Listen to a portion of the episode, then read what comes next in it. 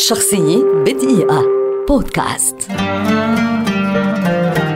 أندري تاركوفسكي. مخرج وممثل وكاتب ومنظر سينمائي روسي ولد عام 1932 ويعد واحدا من ألمع صناع السينما العالمية في التاريخ. أبدى اهتماما مبكرا بالرسم والموسيقى ودرس الجيولوجيا وبعد أن عمل كجيولوجي في بداية حياته جاءت خطوته الكبرى في الانتساب إلى المدرسة الرسمية للسينما والتي قدم من خلالها فيلمه القصير القتلة عام 1958 ثم ثم تبعه بفيلمين قصيرين آخرين. وفي عام 1960 حصل على دبلوم في الإخراج وكان فيلم تخرجه هو ملعب التزحلق والكمان والذي فاز بالجائزة الأولى في مهرجان الأفلام الطلابية في نيويورك عام 1961 لفت عمله الشهير طفولة إيفان الأنظار ليقوم بعدها بإهداء السينما أحد أجمل الأفلام بعنوان أندري روبلوف الذي لم تسمح الرقابة بعرضه في روسيا إلا عام 1971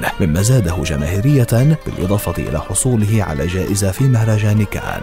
شهد عام 1972 تطورا مثيرا لمسيرة هذا المخرج من خلال فيلم سولاريس الذي يعد نقدا للمادية التي طغت على الإنسانية وساهمت في تلاشي القيم الروحية والأخلاقية لتأتي عام 1975 محطة جديدة هامة في مسيرة تاركوفسكي مع فيلمه الرائع المرآة. عام 1979 أخرج آخر أفلامه في روسيا فيلم المقتفي أو ستوكر الذي يعده النقاد فيلما ذكيا بإبداع بصري مذهل يحوز معظم مفاهيم تاركوفسكي الإخراجية وأساليبه الفنية.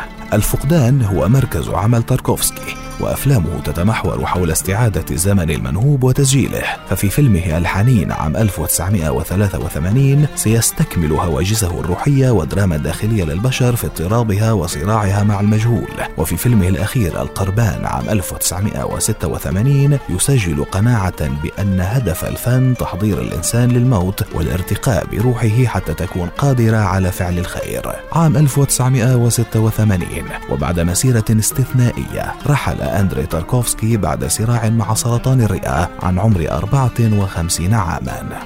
شخصية بدقيقة. بودكاست.